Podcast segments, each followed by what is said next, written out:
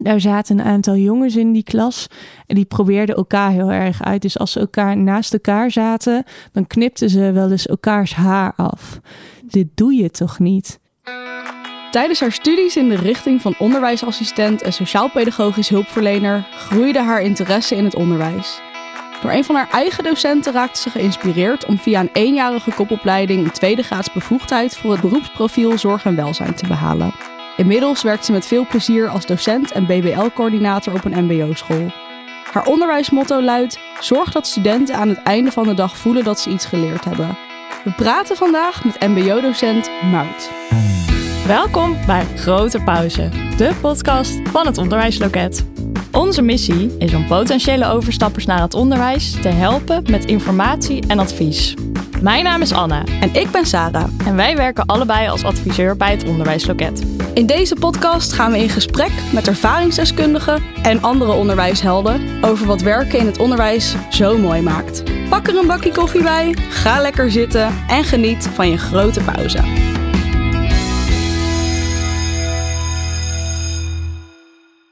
Welkom Mout. Dankjewel. Wat doe jij in je grote pauze? Oeh, dat als ik pauze heb, ehm, dan probeer ik wel gewoon echt dat, dat half uurtje of hoe lang het dan ook is, even rustig te eten en wat te drinken. En het liefst heb ik het dan niet over mijn werk. Dus dat je ook je collega's soms wat beter leert kennen. Of even zelf iets over jezelf kan delen. Het komt ook best vaak, vaak voor dat ik geen pauze heb. Eh, en dat ik een dag van acht uur achter elkaar maak. Dat tussendoor even wat eet. En ja, dan, dan schiet er een gesprek met een student bij in. ehm, die ik dan even op dat moment moet doen. Omdat het niet kan wachten. En ja, het is, het is best wel keuzes maken soms. Eh, je hebt er net een les gegeven en je weet, daarna heb ik een half uurtje pauze. Ehm, er komt een student naar je toe met een vraag of een opmerking. Of er speelt iets bij hem of haar thuis. Het voelt soms best wel even als een, eh, een verplichting soms of als een druk van ik, ik moet even met die student in gesprek. Dan laat ik mijn eigen pauze maar even achterwege. Maar ja, het is wel goed om dat af te baken en te zeggen, ook op, dit is mijn pauze, ook ik moet even wat eten, wat drinken. En soms snappen ze dat ook wel. Ja, Gelukkig. fijn. Je hebt dus eerst een opleiding tot onderwijsassistent gevolgd, daarna de bachelor SPH, dus nou ja, wel pedagogisch, maar niet Ja. echt onderwijs gerelateerd. En daarna dus de kopopleiding om je bevoegdheid te halen. Waarom koos je er uiteindelijk toch voor om weer iets in het onderwijs te doen? Bij onderwijsassistent liep ik vooral stage bij eh, op basisscholen. En dat was ook wel echt een bewuste keuze van mij. Want ik wilde ook eerst eigenlijk graag de PABO gaan doen. En toen ben ik bij verschillende PABO's langs geweest. En toen dacht ik, oh, dit, dit is helemaal niet mijn ding. En daar schrok ik ook best een beetje van. Want ik heb eigenlijk altijd gedacht, ik ga de PABO doen. En ineens was dat idee een beetje weg. En ik eh, dacht, nou, misschien ligt het bij de school. Ik ga bij andere scholen kijken, maar ook in, in andere steden, andere provincies. Het, het was het gewoon niet voor mij. Ik kreeg ook een beetje spanning van de toelatingstoetsen die ik moest maken. Dat ik dacht van, oké, eh, voordat ik op een pabo wil, moest ik vijf toelatingstoetsen maken. Dus ja, die, die, dat laagdrempeligheid, dat was voor mij best wel een beetje, een beetje verdwenen. En toen ben ik daar gaan kijken en eigenlijk dacht ik, hmm, wil ik dit wel? En toen dacht ik, nee, ik heb dit idee altijd voor ogen gehad. Laat ik het maar gewoon doen. Maar dat onrustige gevoel, dat was er nog steeds wel een beetje. En toen ben ik ehm, naar meerdere open dagen geweest. En ehm, bij die open dagen, dat vond ik wel echt eh, het ultieme, eigenlijk de ultieme tip voor als je twijfelt. Ga daar alsjeblieft heen. Ik ben uiteindelijk naar verschillende meeloopdagen geweest. En daar sprong er eentje uit. En de SPH, dat vond ik heel leuk om te doen. En ik dacht eigenlijk gelijk, ja, dat beetje dat zinvolle gevoel van die dag, dat had ik daar. En eh, de dag duurde ook niet te lang. Want als ik vaak zoiets heb van ik wil eigenlijk nu wel naar huis toe, dan heb ik eigenlijk zo'n gevoel bij mezelf van hmm, moet ik dit gaan doen? Ja, die meeloopdag, dat was voor mij eigenlijk de definitieve keuze om, eh, om SPH te gaan studeren. Dus uit het onderwijs te gaan, maar wel met, met mensen te blijven werken.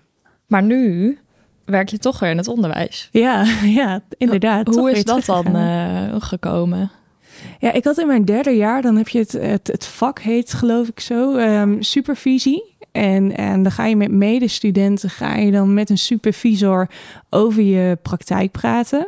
Want je had één of twee dagen school en je moest, ik, uit mijn hoofd moest ik vier dagen naar de, de praktijk in en één dag naar school. En op die ene dag school ging je dan over de praktijk praten. Van wat heb je daar gedaan en hoe doe je dit? En uh, noem het allemaal maar op. En dan krijg je kritische vragen. En je hoort hoe, hoe andere studenten hun praktijkplek ervaren. En die docent die mijn supervisor was, die werkte binnen de uh, kopopleiding van het onderwijs. En die zei op een gegeven moment, Mout, volgens mij zit jij niet helemaal op de goede plek. Hm. Want ik zei van ja, iedere dag is voor mij wel een beetje hetzelfde. We moeten heel veel dagelijkse taken doen met cliënten. Want ik, ik werkte op een, um, een woongroep met mensen met. Um, ja, ze hadden heel veel verschillende gedragingen. De een die had uh, autisme, de ander had weer iets anders. Heel interessant. Maar op een gegeven moment, ik merkte dat het voor mij de uitdaging een beetje weg was. Ik vond het wel leuk. En dat was voor mij niet, niet een beetje de voldoening die ik eigenlijk in een baan hoop te hebben. En toen dacht ik eerst, hmm, weer het onderwijs terug in, wil ik dat wel? Toen zeiden ja, je hebt een half jaar een minor in je vierde jaar. Dan kun je een half jaar, heb je dan eigenlijk de tijd om te kijken, past dit bij je of past dit helemaal niet bij je? Toen dacht ik, nou ja, een half jaar wil ik het wel uitproberen. En eigenlijk zo gezegd, zo gedaan. Ik heb me daarvoor aangemeld. En toen moest ik stage gaan lopen op de school waar ik nu ook werk. Dat was in 2018 en ik had daar echt een hele fijne stagebegeleider vanuit, uh, vanuit deze school, vanuit het MBO. En ik kreeg van haar heel veel vrijheden. Als ik bijvoorbeeld uh, de dag ervoor had bedacht dat ik wel een lesje zou willen geven, dan mocht dat van haar. Of um, als ik ergens over twijfelde, dan mocht dat ook van haar. Of uh, zij was ook heel erg van het uitproberen en we kijken wel. En als het niet lukt, dan zit ik aan de zijkant, dan spring ik zo in en dan is er ook geen man overboord. Dus ik creëerde heel erg die veilige omgeving van probeer maar en dan zien we het wel. Zij gaf me zoveel vrijheden, en maar wel binnen die veilige setting van mocht het me nou niet lukken, dan was zij daar. Dus dat, uh, ja, dat gun ik wel iedereen. Ja. Dus zo'n stage, dat is ook echt wel, gaf mij heel veel duidelijkheid of heel veel zekerheid van um, wat houdt het nou precies in. Ja. Dus daardoor, dat, dat ging eigenlijk een beetje kriebelen daarna wel. Van, god, dit was toch leuk. Misschien onverwachts leuk. Hier, ja. ga ik iets mee doen. Ja, precies. En, en ik weet dat ik op een gegeven moment gelijk wel echt de moeilijkste klasse had. Want je hebt altijd wel wat gradaties van nou, een wat gangbare klas. Of echt wel een drukke klas. En dat ligt ook een beetje aan de karaktereigenschappen van studenten. En daar zaten gewoon heel veel drukke kinderen in. En dat had ik eigenlijk vrij snel onder de knie. Want ik ben van mezelf ook, kan ik heel rustig voor de klas zijn. En je krijgt me niet zo heel snel gek. En natuurlijk, ze proberen je allemaal een paar keer uit. Maar op een gegeven moment, ik bleef er wel staan. En ik denk dat dat me wel heel erg geholpen heeft. Ja, dus die consequentie. Van mij krijg je niet klein, ik... Uh... Ja, ja, ja, maar ook wel gewoon probeer het maar. Hè. Ze had me ook heel makkelijk weg kunnen houden van een moeilijke klas. Maar ik wist, oké, ik ga daar staan en gaat het me echt uh, te gek of te ver, dan staat zij als mijn backup plan. Lijkt me leuk om even terug te blikken. Dus je, je schetst nu eigenlijk hoe het een beetje ging tijdens die minor. Je hebt dus vervolgens nog voor de kopopleiding gekozen. Ja. Maar kun je ons eens meenemen in die allereerste les die je ging geven? Ik kan me voorstellen dat dat best wel spannend was. Dat je ook nog nou, in opleiding was. En ik denk ook dat veel mensen die nu luisteren, die zelf een baan in het onderwijs overwegen, zich misschien ja, nog niet zo goed kunnen voorstellen van goh, hoe, hoe gaat nou zo'n eerste les? Hoe bereid je je daarop voor? Welk gevoel had je misschien wel? Ja. Zou je dat voor ons kunnen schetsen? Nou, bij mij was het zo, hij kwam een beetje onverwachts. Het, het was bij mij niet zo dat ik wist, uh, over drie weken ga ik mijn eerste les geven. Ik moest over twee dagen mijn eerste les gaan geven. Zo. En uh, ik, ik wist het onderwerp van de les en ik wist een beetje de richtlijnen waar het over moest gaan. Uh, dus ik had wat in elkaar gezet. En ik heb het eerst heel vaak thuis geoefend. En toen dacht ik, oh nee, ik moet zorgen dat het niet een vast riedeltje in mijn hoofd gaat worden. Want als iemand van mijn riedeltje afwijkt, dan kan ik paniek gaan krijgen. Dus ik wist de hoofdlijnen die ik moest gaan, gaan delen met de studenten. Maar ik had ook wel ruimte gelaten voor uh, eigenlijk vrije momenten. Als iemand op iets wilde reageren. En de dingen die ik in kon dekken, die had ik ook wel ingedekt. Ik um, uh, had bijvoorbeeld wat activiteiten ertussen gedaan. Uh, ik had eigenlijk gelijk een goede opener erin gezet. Ik, ik moest het toen, uh, ik moest een les orthopedagogiek gaan geven. En ik moest het over lichamelijke, um, de lichamelijke ontwikkeling moest ik het volgens mij gaan hebben. En over um, wat bij kinderen dan als uh, de lichamelijke ontwikkeling niet naar verwachting zou lopen, wat dan het gevolg zou kunnen zijn. Dus op een gegeven moment, ik had ook een, uh, een vorm van een hoofd getekend. Ik zeg, nou, hoe ziet de cognitieve ontwikkeling er volgens jullie uit? Ga in dat, uh, dat lege hoofd, als het ware, schrijf maar woorden op. En ze moesten van mij ineens iets fysieks gaan doen. Of ze mochten van hun stoel komen om post-its op het bord te gaan plakken. Terwijl juist je wilt graag dat iedereen blijft zitten en dat er geen druktes of wat dan ook in de klas komen. Maar ik dacht, oké, laten we dat soort dingen maar, maar gebruiken juist. Het was een drukke klas. Dus ik werd eigenlijk vrij snel wel voor de leeuwen gegooid. En ja, dat, ik denk dat het gewoon het geluk is geweest dat het lukte. En het zit hem ook echt wel in het stukje voorbereiding van dek jezelf in.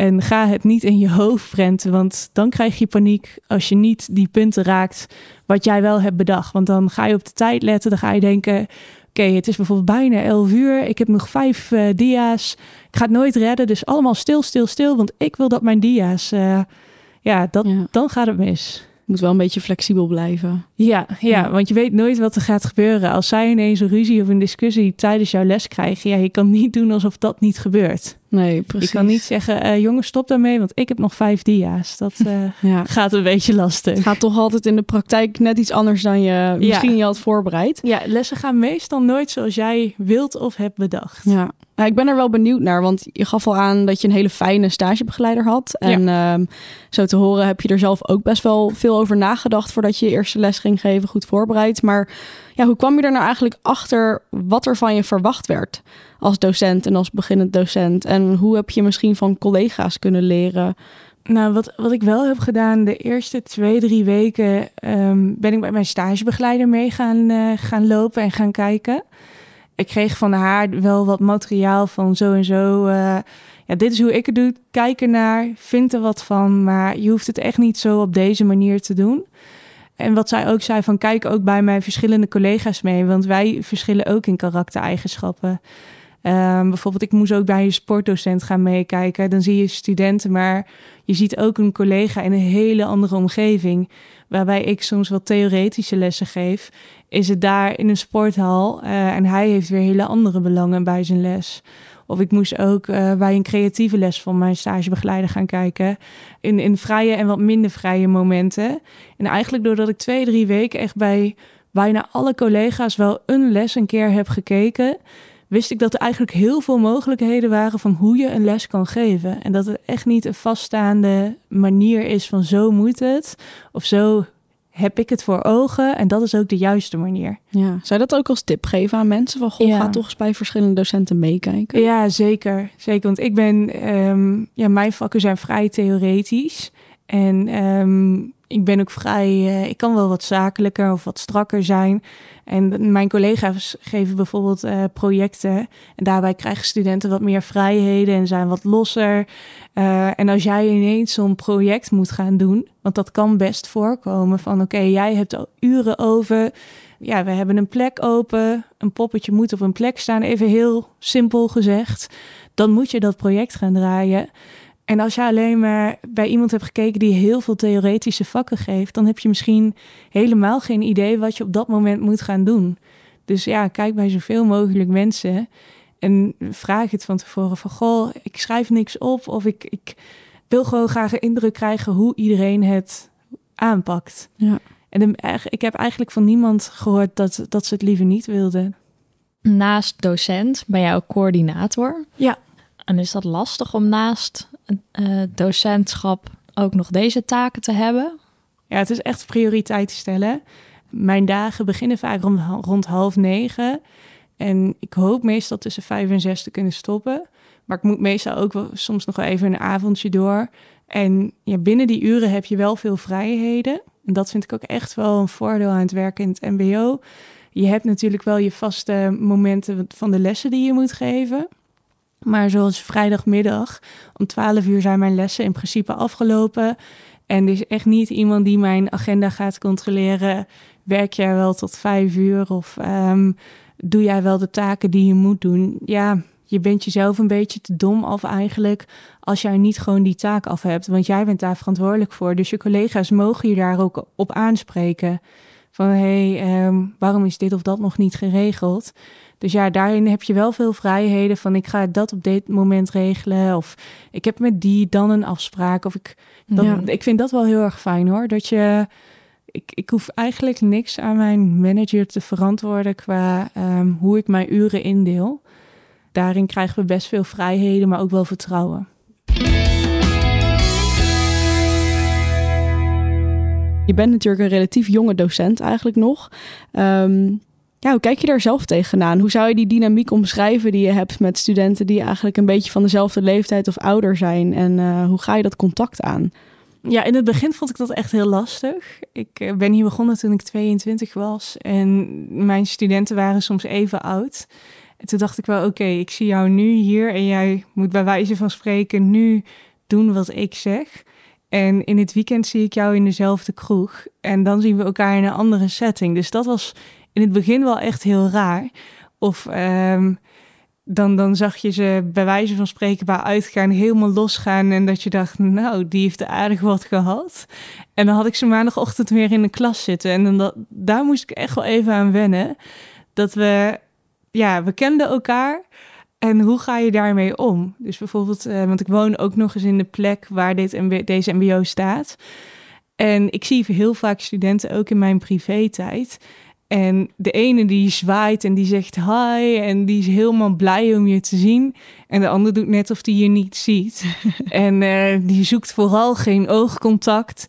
En de ander zegt, ja mevrouw, ik zag u eh, dit weekend daar en daar zitten. Maar ik dacht, ik laat u maar even met rust. Alsof ze heel erg aan jou denken. Ja, Ehm, dus ja, ik, ik zeg meestal wel gewoon even hi. En ik laat wel merken dat ik ze gezien heb. Maar ik zeg ook gewoon vaak van ja, het is ook voor jou jouw weekend en voor mij mijn weekend. We hebben allebei ons weekend. En wat we daarin doen is volgens mij eh, helemaal prima. Je komt allemaal een beetje uit dezelfde plek. Hoe ga ik hier nou precies mee om? Dat krijg je niet op een school geleerd. Dat leer je echt door ervaring. Ehm, ja, wat als je ze in je privé-tijd veel ziet? En ook wat als, ehm, ja, als ze je soms op, een beetje een ongemakkelijk moment ziet. Ja, ik heb ook wel eens gehad dat ik in mijn roze badjas buiten stond en dat er iemand voorbij fietste. Ja. ja. Dan zie je ze maandag en dan vragen ze: hey, waar was jouw roze badjas? Heeft u die vandaag niet aan? ja, dat soort dingen. Ja, het maakt je ook wel weer een beetje mens. Ja. Ze zien ook gewoon dat je buiten de, je baan ook gewoon nog eh, een leven hebt. ja. Ja, lijkt me echt heel, ja, heel raar of zo. Maar ga je dan ook anders gedragen? Of? Ehm, nee, eigenlijk niet. Ik Nee. bedoel, ik ben hier eigenlijk ook altijd wel mezelf. Ik kan heel onhandig zijn. We hebben van die digiborden waar dan van die, ehm, eh, daar zit zo'n voetboot aan met van die wieltjes die uitsteken. Nou, daar ben ik wel eens overheen gevallen. ik heb wel eens een glas drinken over mezelf laten vallen en precies op een plek waar je het niet wil hebben, dat het leek alsof ik in mijn broek had geplast. Ik ben achter deuren blijven hangen. Ja, ik benoem het altijd eigenlijk, want dat geeft ook het stukje luchtigheid van, joh, ik ben ook een mens. Gisteren moest ik met studenten tot vijf uur in een les zitten. En ze hadden allemaal zo'n zwaar, moeilijk leven. Ik zeg, ja jongens, ik heb dat ook. Ik zit hier ook tot vijf uur met jullie. En dan kijken ze en dan denken ze eerst, hoe kun je dit zeggen? En aan het andere moment denken ze, oh ja. Ik zeg, ja joh, ik had hier ook liever gewoon gezellig zitten Netflixen. Maar dat gaan we niet doen. Dus we gaan er gewoon wat van maken. En ja, ik vind dat je ook best mag laten zien dat je gewoon mens bent. Of laat ook zien dat jij soms even geen zin hebt. Of wat het dan ook mag zijn. Waar trek je voor jezelf de grens? Wat Mm. vertel je wel en wat vertel je niet? Ehm, nou, ze weten bijvoorbeeld absoluut niet waar ik woon. Dat, dat hoeft van mij ook niet. Ik, ik woon in deze stad, maar eh, ik ga niet uitleggen waar mijn huis bijvoorbeeld staat. Of ehm, ja, ze weten dat ik een broer heb. Sommigen weten ook dat die, hoe die heet. Maar ja, ik ga niet heel inhoudelijk in op dit en dit vind ik van hem of zo. En ja, ik, ik vind soms best als er bijvoorbeeld bij jou privé iets aan de hand is. Als er bijvoorbeeld een overlijdingsgeval is of iemand met een ziekte waar je best wel veel in je hoofd mee bezig bent. Dat soort dingen mag je soms best vertellen van, goh, ik- begrijp je, want ik heb hetzelfde meegemaakt. En je moet wel zorgen dat het niet om jou draait als een student iets vertelt. Want het is, moet wel zijn of haar verhaal blijven. En het is niet van, eh, nu ga jij eens naar mijn ellende luisteren. Maar je laat wel merken van, ik begrijp in welke situatie je zit, want ik herken iets. En ik herken dat je soms even moet huilen. Of als je bepaalde afbeeldingen of filmpjes ziet. Ja, dat is heel logisch dat je het even niet trekt. We geven, we geven bijvoorbeeld vakken zoals kindermishandeling moet ik geven, rouw, dat soort dingen. Dat kan best heel dichtbij komen. En dan maak je ook op de voorhand de afspraak van hoe we gaan we met elkaar om tijdens deze lessen. Uh, voel de vrijheid om even weg te lopen als het niet gaat. Deel alleen wanneer jij het idee hebt dat je dit ook wil delen en niet, voel je niet verplicht. Kijk, als ik je bijvoorbeeld vraag: wil je dit delen? Voel dat het antwoord nee ook mag. Hoe is het om voor het eerst bijvoorbeeld zo'n lerarenkamer binnen te lopen?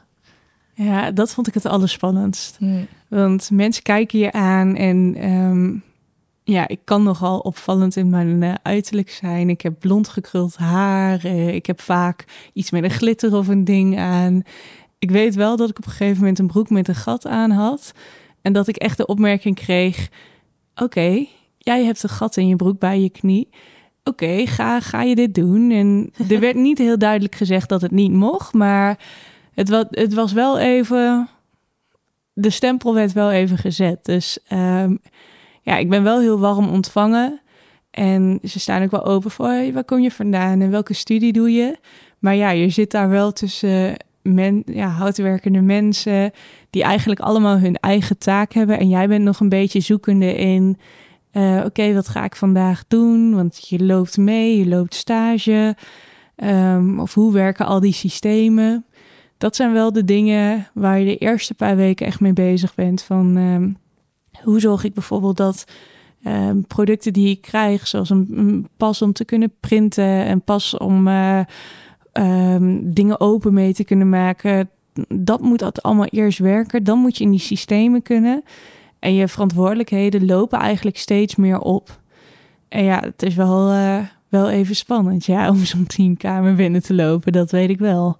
Hoe was dat voor je toen er gezegd werd, of eigenlijk een beetje die impliciete opmerking over je, je broek? Eh, hoe kwam dat bij jou aan? Ja, het was wel dat ik dacht, oh ja, hier moet ik even beter op gaan letten. Tuurlijk, ik weet wel het stukje representatief en wat wel en wat niet kan. Maar op dat moment kwam ik daar even om uh, een contract af te geven. Dat moest nog ondertekend worden. En toen dacht ik, oh ja, ik kom hier eigenlijk voor mij in mijn vrije tijd. Dus in dat oogpunt kon ik aan hebben wat ik graag aan wilde hebben. Maar ik was wel op mijn werkplek waar zowel studenten en collega's en iedereen me kon zien. En daar denk ik soms wel over na. Van oké, ehm, ja, wat doe je aan? Of hoe zie je eruit? Ik zou bijvoorbeeld nooit uh, studenten, wie je nu hier heel erg ziet, hebben allemaal crop tops aan. Dat zou ik nooit aandoen voor een klas. Dus ja, daar, daar denk je wel echt over na. Of ehm, ik, ik, hoef mijn haar bijvoorbeeld niet vast te doen. Maar ja, ik, ik ben er wel mee bezig als in... oké, het zijn veel jonge meiden... die hebben overal mening over. Soms kan dat positief zijn. Van, oh, leuke tas of leuk dit of leuk dat. Maar als je een outfit aan hebt die ze niet leuk vinden, dan zeggen ze dat ook. Oeh. Ja, want ze, ik kan me voorstellen dat ze inderdaad gewoon een soort jou een spiegel voorhouden. Ja, ja. Oh, heb je dat aan? Ja, of maar ook zeker in gedrag. Ik heb ook wel eens de opmerking gekregen dat ik tegen iemand zei van hou je nu even je mond dicht, want ik ben iets aan het uitleggen. En dat ze zei, maar jij praat ook steeds door mij heen. En dat ik zei, maar dit is mijn taak. Ik ben de docent en ik moet nu praten. En dat ik echt bij mezelf dacht, oh eens even, wat gebeurt hier nu? Ja, want hoe ga je dan om met zulke opmerkingen? Nou ja, ik kan daar wel vrij strak in zijn. Ik probeer dan niet gelijk te lachen. Want natuurlijk, als ik dit achteraf thuis vertel, dan denk ik wel, ja, wat ben je, wat denk je? Wat, uh, wat gebeurt me hier nu? Maar op dat moment denk ik wel, ja, uh, ik ben hier in principe de docent van de groep. En dit soort opmerkingen accepteer ik niet. Uh, je kan best echt wel met mij een grapje uithalen. Maar ze moeten wel weten dat ik de docent ben en dat ik uh, niet over me heen laat lopen. Want je hebt wel een bepaalde verwachting ook vanuit de student dat jij die klas leidt. Want als iedereen alles zomaar over je kan vinden en kan zeggen, ja, dan wordt het een groot chaos. Mm ja. ja, dat kan ik me voorstellen. Ja, ja je, je mag er soms best in meegaan, denk ik. En ik denk dat je het ook even met het moment moet aanvoelen. Maar ik denk ook dat je op een gegeven moment moet denken: dit is wel mijn grens. Hier ga je niet overheen. Dat is hetzelfde als bijvoorbeeld iemand tegen mij uh, een opmerking zou maken die ik echt niet leuk vind. Dan zeg ik het wel gelijk. Want als ik er een week later op terug moet komen en ik weet het niet precies meer, dan gaat een student gelijk in de verdediging. En je mag ook best laten merken dat iets je wat doet. Van nou, wat je nu doet of wat je nu, nu zegt, dat vind ik echt niet leuk. En ja. ik ben niet boos op je of ik ga je er niet uitsturen. Maar dit gedrag wil ik gewoon niet meer zien. En ook gewoon een consequentie van ja, als dit zo blijft, dan heb ik liever niet dat je naar mijn les komt. Ja, dan hebben ze wel een groot probleem. Ja. ja. maar dit is eigenlijk een soort het terugkerend iets wat ik je nu hoor zeggen. Van je mag gewoon best wel laten zien dat je ook een mens bent. Ja, zeker. Ja, ik bedoel, uh, ik ben ook geen robot. En uh, ik heb ook nog eens volgens mij een soort uh, ja, gave of zwakte, hoe je het wilt noemen. Maar je ziet heel snel aan mij wat ik van iets vind. Hmm. Um, je ziet eh, best wel snel dat ik iets misschien een beetje raar vind. Of dat ik iets grappig vind. Of uh, gisteren moest ik met een groep studenten naar een, uh, een bepaald soort onderwijs. Het vrije schoolonderwijs. Uh, daar had ik een video van.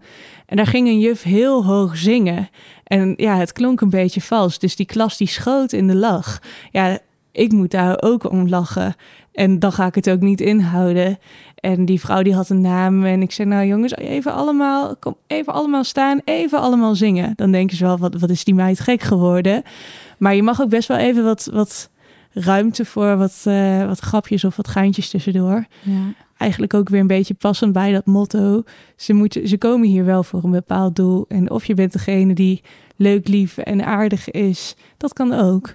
Maar ja, ik vind het ook fijn dat ik ze iets mee kan brengen. Ja. Ik hoor ook wel, je had het inderdaad heel erg over de menselijke kant van dit beroep. Um, maar je besprak ook al iets over grenzen. Ja. En eigenlijk gelinkt aan grenzen ben ik ook wel benieuwd. We leven natuurlijk in een hele digitale wereld, echt een digitaal tijdperk. Um, dat zal ongetwijfeld onder jouw doelgroep MBO-studenten ook zo zijn. Ja. Ik neem aan dat je zelf waarschijnlijk ook op social media zit. Je bent inderdaad nog best wel jong. Voor jou geldt dat digitale tijdperk net zo goed. Hoe bewaak je daar een beetje je grens? Ik kan me voorstellen dat het wel eens voorkomt dat studenten je opzoeken of je misschien een berichtje sturen of ineens een foto liken of zo, of daar iets over zeggen in de klas. Hoe, uh, hoe doe je dat? Ja, ik had er eentje die zei: Oh, Mout, ik heb jullie allemaal opgezocht. En toen dacht ik wel: Oké, maar ik weet wel wat van mezelf te zien is online en wat niet. Zoals bij mij bij Instagram kun je eigenlijk niks zien. Kijk, dat ze een foto een keer van me zien, dat vind ik niet zo erg. Um, wat ook veel studenten vragen is, uh, we werken veel met PowerPoint of met Lesson Up. Um, dat ze dan een foto van de tekst willen maken van hetgeen wat je uitlegt. En dan geef ik altijd wel aan van je mag er een foto maken, van maken, maar ik wil er echt niet bij opstaan. En ze gebruiken het voor zichzelf, maar ik wil gewoon echt niet dat de foto's van mij rondgaan. Um, en ja, over het algemeen, ik ben niet bevriend met studenten op Facebook of op Instagram of wat dan ook ja, dat is gewoon echt van mijn privé. En dat is gewoon, ja, ik heb naast mijn werk ook nog een privéleven. Dus dat hoeft er echt niet allemaal op te staan. Ik las laatst een artikel volgens mij van de Volkskrant. En dat ging dan over dat er nu steeds meer een soort on, binnen scholen, zeg maar, online geroddeld wordt. Dus mhm. bijvoorbeeld ook over leerlingen, maar ook over hè, leraren, docenten. Merk jij daar iets van? Um, nou, wij werken vooral veel met Teams. We hebben allemaal een werktelefoon. En uh, voorheen, voordat we Teams gebruikten, hadden we nog wel eens WhatsApp. En dan kon, konden studenten je WhatsAppen. Dat hebben we niet meer, dat mag niet meer. Maar Teams is in principe zo beveiligd dat ze je wel een berichtje kunnen sturen. Ja, ik geef wel aan veel meidenklassen les, dus dat geroddel, dat zal er wel zijn. Maar ik moet zeggen, online merk ik het niet heel veel. Ik denk, um, ik ben niet een type die telefoons gaat afpakken en erin gaat kijken. Ik snap wel dat het gebeurt. Dat is denk ik echt de, de grootste struggle anno 2023. De telefoons van de studenten. ja. Ja, we hebben niet zoals op het VMBO is volgens mij nu die nieuwe wet en regelgeving ingegaan. Uh, dat studenten hem niet bij in de les mogen hebben of dat hij in een kluisje moet. Of je hebt zelfs van die soort zakjes. Um, dat het lijkt op een soort beveiligingsalarmpje wat je ook in kleding hebt. Dat je hem langs zo'n ding moet halen en dat dat alarmpje er dan afgaat. En dan moet hij in een oh. zakje. Ja. Jeetje. Ja. Ik wist niet dat dit bestond. Ja, of op VMBO's. Volgens mij een school in Amsterdam die heeft dat. Dat is een soort zakje. Dan doe je je telefoon in. Daar gaat dan een alarmpje op. Je mag dat zakje wel de hele dag bij je dragen. Maar zodra jouw, jouw les uit is of jouw school is klaar, dan ga je langs de conciërge. Dan haal je dat alarmpje eraf en dan heb je je telefoon weer. Maar ja, ik, ik denk niet dat je dat hier op het MBO moet gaan doen ik denk echt niet dat dat werkt. Het is misschien ook wat moeilijker bij een wat oudere doelgroep. Zeker als ze al volwassen zijn. Dan... Ja, ja, en het heeft ook echt nog wel praktische punten, een telefoon. Als ik bijvoorbeeld kijk, als je interactief les wilt geven, bijvoorbeeld, oh, zoek dit begrip eens op. Dat, ze, dat je het zelf nadenken wat wilt activeren. Nou, hoe, in welke context ziet een student een bepaald begrip? En daarna ga je het uitleggen dat je ze zelf aan het nadenken laat. Of uh, nou, kijk even op je rooster waar je moet zijn. Of als je een gesprek hebt gehad met een student, oh, heb heel even de docent of stuur een Teams berichtje dat je tien minuten later komt. Het heeft ook echt wel zijn voordelen, een telefoon. Alleen ja, het is wel heel vervelend als jij voor een klas staat en je ziet gewoon die schermpjes oplichten in hun gezicht. Want dan doen ze soms alsof ze het niet hebben. Of dan doen ze het onder de tafel. Maar ja, als iemand heel lang naar zijn tafel kijkt, dan weet je al genoeg. Dus uh, ja, ik, ik vind dat echt de moeilijkste struggle, het telefoongebruik. Ja. Nou, je bent niet de eerste docent die dat met ons deelt. Dus dat is toch wel uh, ja. een terugkomend dingetje. Ja, misschien wel, je zei al, het allermoeilijkste is het telefoongebruik. Maar zou je misschien nog wat breder kunnen schetsen wat je tot nu toe in je, ja, je docentenleven het allerleukst en het allermoeilijkst vindt aan het beroep? Um, het allerleukst vind ik denk ik uh, dat een student gewoon helemaal zichzelf is. Ja, dat hij soms ook met, met je deelt um, wat er thuis is gebeurd. Of oh, ik heb dit gedaan. Of oh, ik heb dat gedaan. Dat een student zich ook kwetsbaar naar jou opstelt. En dat kan soms een minder leuke ervaring zijn, maar ook soms hele leuke ervaringen. En het minst leuk, ja, de discussies. Ik, ik ben daar niet zo'n type voor. Ja, maar jij zei dit of ja, maar dat daar hou ik gewoon echt niet van. Um, het hoort er een beetje bij en dat hoort ook bij de leeftijd. Um, maar ja, dat is niet iets wat ik heel graag doe. Die ene leerling. Maar is er nou voor jou ook die ene leerling die je altijd zal bijblijven? Ja, ik heb wel één student. Dat was um, echt in mijn allereerste, toen ik net hier echt aangenomen was als docent. Ik, was klaar met mijn opleiding. En toen werd ik eigenlijk gelijk SLB'er van een derdejaarsgroep en van een examenklas. En uh, die student is later ook nog bij ons de kopopleiding gaan doen. Dus ik ben uiteindelijk 2,5 jaar uh, SLB'er van haar geweest. En die student had best wel wat, pech, laat maar zeggen, meegemaakt. Een, uh, een zieke ouder die uiteindelijk ook overleed. Um, maar zij was heel, heel, echt heel vaak positief. Of kon haar schouders er weer onder zetten. Of um, dan, dan was er iets gebeurd eh, waarbij een andere student misschien zou denken: oh, ik blijf drie weken thuis. De volgende week was zij er weer en zij was diegene die aan jou vroeg hoe het ging. Hmm. Van ja, hoe is jouw dag, Mout? En uh, dat ik echt bij mezelf dacht: wow, hier kunnen veel mensen wat van leren. Of, uh, dan moest zij thuis een beetje het rijlen en zeilen over gaan nemen binnen haar gezin.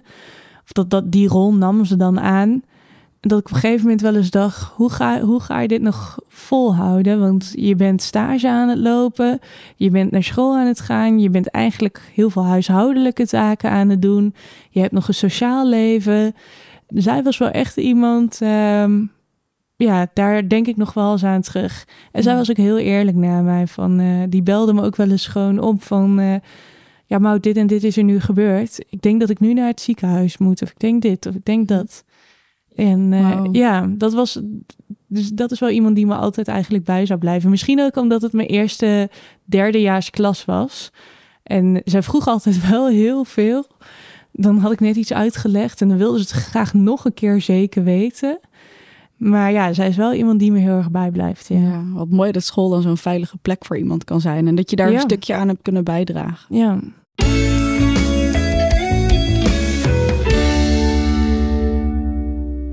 Als je nou eens terugdenkt, want we begonnen ergens aan het gesprek natuurlijk ook met die docent die jou heeft geïnspireerd om het onderwijs in te gaan. Uh, ja, wat heb je van die docent geleerd en hoe heeft het misschien ook je beeld van wat een goede docent is gevormd? nou, hij is uiteindelijk, hij is mijn, was mijn supervisor. Dus ik zag hem, denk ik, vijf keer heb ik hem uiteindelijk gezien. En we moesten het heel veel over die praktijk hebben. Uh, maar door hem kwam ik wel binnen die minoropleiding. En wie me echt wel van die minoropleiding is uh, bijgebleven, dat was mijn uh, eigen SLB'er, dat was een vrouw. En zij gaf heel veel praktische tips. Ik weet dat ik toen een keer voor een klas kwam te staan en um, daar zaten een aantal jongens in die klas en die probeerden elkaar heel erg uit. Dus als ze elkaar naast elkaar zaten, dan knipten ze wel eens elkaars haar af. Hm. Dus ik zei, hoe ga ik daar nou in godsnaam mee om? Want ik denk alleen maar bij mezelf, dit doe je toch niet? En toen zei ze, je moet duidelijk je grenzen aangeven. Je loopt naar iemand toe, je kijkt hem aan en je zegt, dit gedrag accepteer ik niet. Na de les blijf jij zitten. Zo laat je aan de klas zien van, ik heb de overhand hier. Ik uh, bepaal wel de regels. Je zet hem niet per se voor de andere studenten te kakken. Maar je laat wel even heel duidelijk zien dat je dit niet accepteert. En dan loop je terug, zei ze, en dan ga je verder met je les. En dat soort praktische tips gaf ze echt, of heel erg luisteren naar wat jij als student nodig had. Wel op een grappige manier, je accepteerde heel veel van haar. En zij liet ook gewoon gelijk een stukje van zichzelf zien. En dat was wel, uh, ja, wel mooi. Mooi. Ja, dat heb ik wel echt van haar geleerd. Van als je iets van een student wil, moet je zelf mhm. ook iets inleveren. Je zei aan het begin van het gesprek, uh, in de zorg miste ik een beetje de uitdaging. Ja. Heb je die uitdaging nu gevonden? Ja, ja, ik uh, hou van vrijheden, van flexibiliteit, van snel denken, handelen. Ik heb denk ik wel een groot uh, oplossend vermogen dat als er iets aan de hand is, hoe pakken we dit aan en hoe gaan we ermee om? Dus ik, ik denk dat stukje uitdaging en dat niet elke dag hetzelfde beleven, dat ik dat hier wel heb. Ja, dat gewoon. Ik weet nooit hoe ik een les, hoe ik de les inga, hoe ik hem ook weer ga eindigen. Het kan best zijn dat ik een keer uh, een clash heb gehad met een student. Of dat ik een keer iemand uh, op zijn plek heb moeten zetten. Maar het kan ook zijn dat ik de, de, de leukste les ooit heb beleefd. Ja, ik, ik weet nooit als ik hierheen kom hoe ik de dag hier weer afsluit. Ja, dat is zeker wel een uitdaging. Ja, ja, ja, mijn dagen zijn eigenlijk nooit hetzelfde. nee. Ik merk dat als veel mensen contact opnemen met het onderwijsloket, dan bellen ze ons omdat ze bijvoorbeeld iets horen over leraren tekorten. Of als mensen toch denken aan het beroep van leraar, wordt er snel gedacht aan een basisschool of aan een middelbare school. En vaak verrassen we mensen dan als we aangeven van... goh, maar heb je er wel eens aan gedacht om docent in het mbo te worden? Ik denk dat het soms toch een beetje het ondergeschoven kindje in het onderwijs is. Um, dat mensen daar vaak ook niet aan denken als ze aan het onderwijs denken. Maar wat maakt voor jou het mbo zo leuk om te werken? Wat zou je tegen mensen willen zeggen die hier misschien eigenlijk nog niet zoveel van weten? Nou, wat ik echt of ja, fijn vind. Kijk, een student kan altijd twijfelen over zijn of haar keuze. Maar het is wel zijn of haar keuze dat hij binnen onze opleiding zit. Binnen een VMBO-opleiding moet je soms verplichte vakken volgen. Binnen het profiel zorg en welzijn wat je dan kiest, of VMBO-T, of ik, weet even niet meer hoe het precies heet, um, moet je soms gym of moet je soms economie of scheikunde, of ook vakken waar je niet zoveel mee hebt, dat moet je dan volgen. Nu kies je zelf heel erg voor deze opleiding, omdat je eigen interesses daar liggen. En omdat jij ook vaak een achtergrond hebt van die opleiding, heb je gelijk al wat raakvlakken. Dus ik denk dat dat wel echt het stukje MBO-verschil maakt. En ook gewoon soms even praktisch aan de slag. Um, het hoeft niet alleen maar theoretisch, of ook de combi tussen theorie en, uh, en praktijk. Ja, ik denk dat dat echt wel een meerwaarde is. En als docent? Nou, als docent vind ik het gewoon fijn dat um, over het algemeen zijn het gemotiveerde studenten. En in het eerste jaar zie je hier en daar nog wel wat studenten die uitvallen. Maar dat is ook logisch. Je bent 16 en je moet een keuze bij wijze van spreken voor de rest van je leven maken. Um, ja, het kan best zijn dat je erachter komt dat dit het niet is. En dan ga je weer op zoek naar iets anders. Maar over het algemeen vind ik het wel een gemotiveerde student waarbij de interesses binnen dit beroepsvak liggen. Ja. Dus dat geeft als docent ook wel fijn les. De gouden tip is gewoon, uh, denk er niet te licht over en uh, stel echt prioriteiten. Weet waar je aan begint en denk niet van, nou, ik vind het leuk om met uh, deze doelgroep te werken. Er zijn zoveel verschillende studenten, zoveel verschillende karakters. Um, ik heb volgens mij op dit moment 300 studenten en geen één is hetzelfde. De een die daar krijg je bijna niks uit en de ander die is heel expliciet in haar uitlatingen. De een ehm, die moet niks van je weten en de ander die is bij wijze van spreken geeft hij je iedere week een compliment. Dus ja, verdiep je daar wel echt in. Dat je ook soms een heel uh, ongewenst antwoord kunt krijgen als je ergens een vraag, uh, vraag dropt. En ja, weet gewoon waar je aan begint. Het is een leuk beroep, maar het is niet het makkelijkste beroep. En het, uh, ja, je moet wel stevig in je schoenen staan. Dat als mensen een mening over je hebben, dat je dat ook een beetje kunt relativeren. Van ja, je mag je mening hebben, maar wat ik daarmee ga doen is mijn eigen keuze. Zeker. Ja. Hey Mout, bedankt voor al je mooie antwoorden. Het was echt uh, onwijs leuk om met je te praten en over al je indrukken in het MBO te horen en waar je je zoal mee bezighoudt. Dus uh, dankjewel. Ja, graag gedaan. Bedankt voor het luisteren naar Grote Pauze. Heb je vragen die we eventueel in een aflevering zouden kunnen behandelen? Stuur ze dan naar podcast.onderwijsloket.com. Zit je er zelf aan te denken om een overstap te maken, maar ontbreekt het je aan info? Dan kun je ons natuurlijk bellen of mailen. Kijk voor onze contactgegevens in de show notes van deze aflevering of op www.onderwijsloket.com. Tot de volgende keer!